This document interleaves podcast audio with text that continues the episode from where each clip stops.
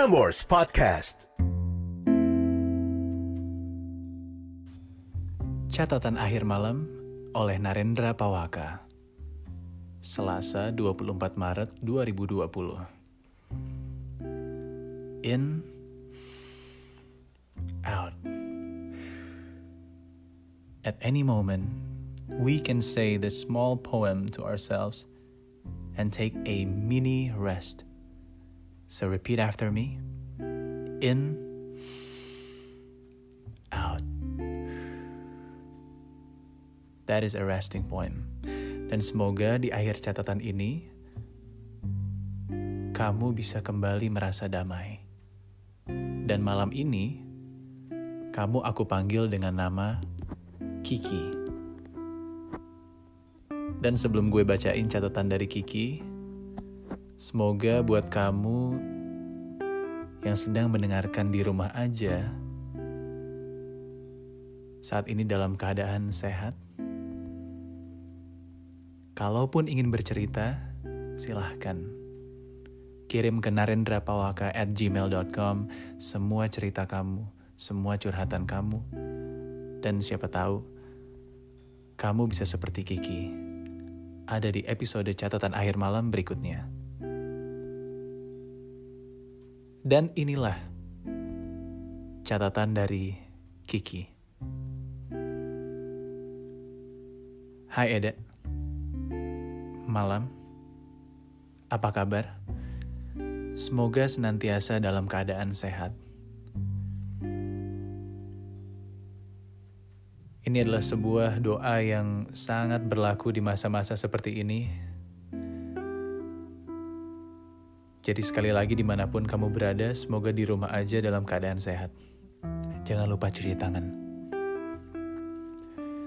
Lanjut lagi dari Kiki, mau berbagi cerita yang mungkin setelah cerita aku bisa sedikit merasa lega.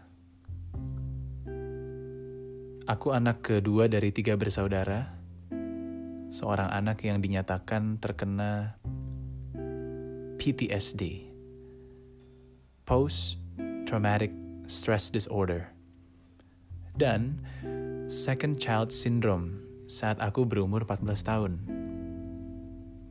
Semua itu berawal saat aku kecil.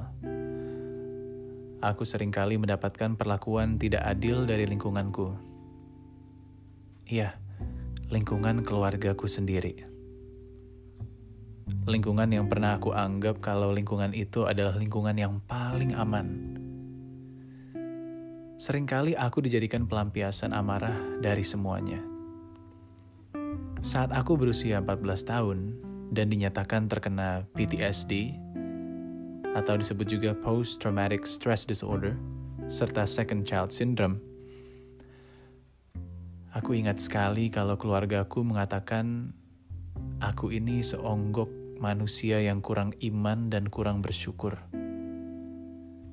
Aku ini manusia gila yang menyedihkan, menyusahkan, dan itu semua beban untuk mereka. Saat itu jugalah aku langsung menyadari bahwa keluarga bukanlah tempat yang nyaman dan rumah bukanlah tempat untuk kembali mencoba melepaskan diri dari keluarga saat masalah-masalah datang,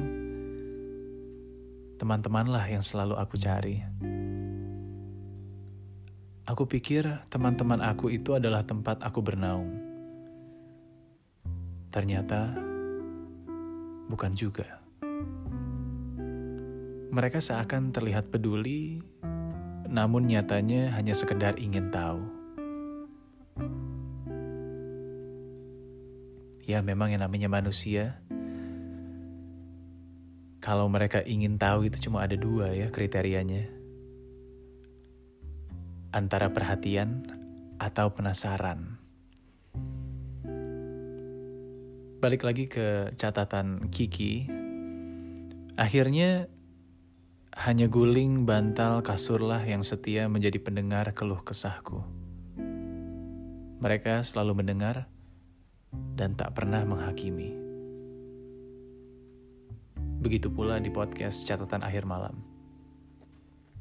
And this podcast, you'll have zero judgments. Lanjut lagi dari Kiki, lelah ada di keadaan seperti ini. Jika ditanya apa yang kamu rasakan, aku selalu menjawab rasanya sedih saat menyadari bahwa keluarga bukanlah tempat untuk kembali.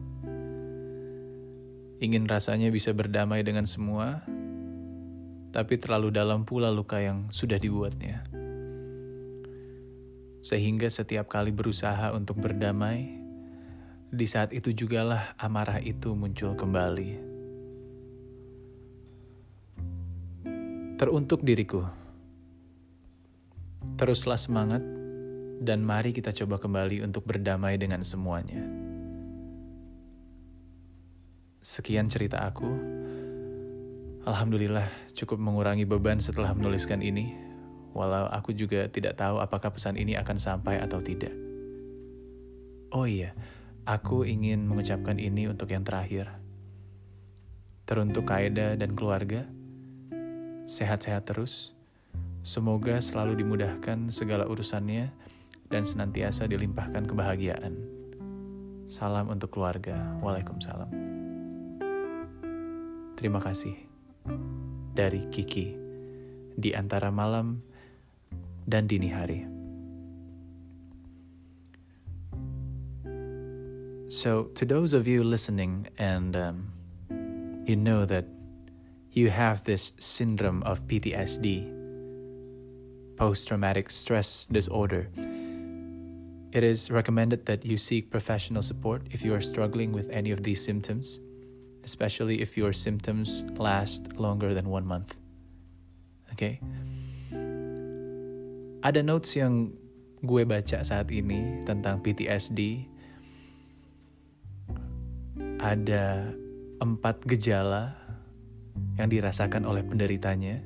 Yang pertama adalah reliving and re-experiencing the trauma.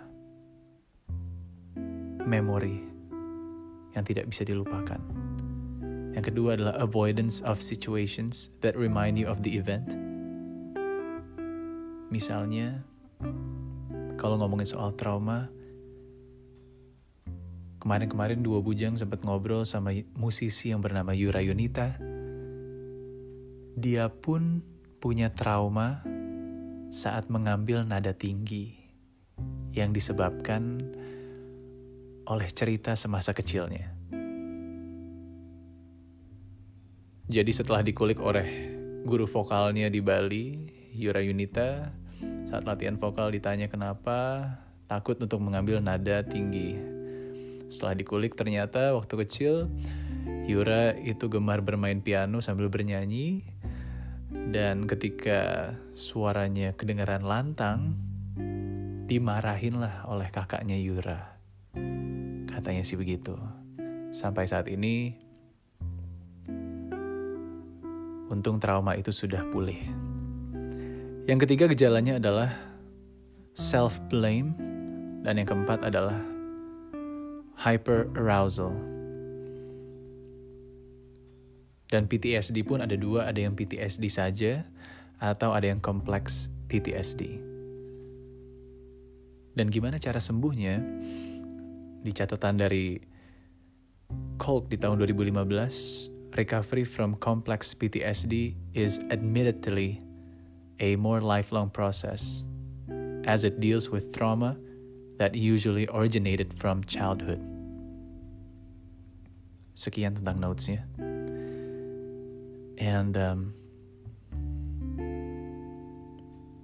may I repeat once again?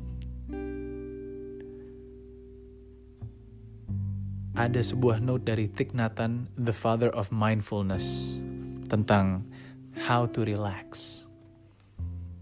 Yang di awal sempat Eda bacain, yaitu tentang resting poem.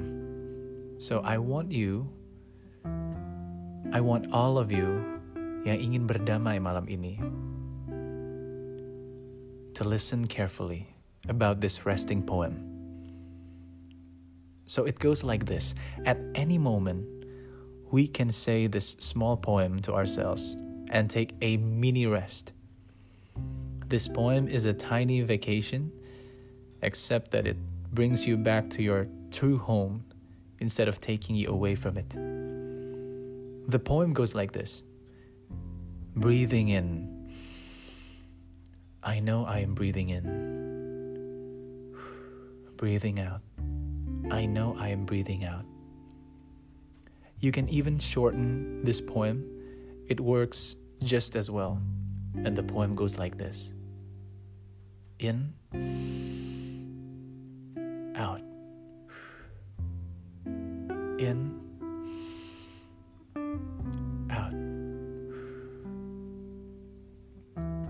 Selamat malam. Semoga kamu senantiasa dalam keadaan sehat ya. Nama gue Narendra Pawaka, dan inilah catatan akhir malam. Have a good night, sleep tight, and don't let the bad bugs bite.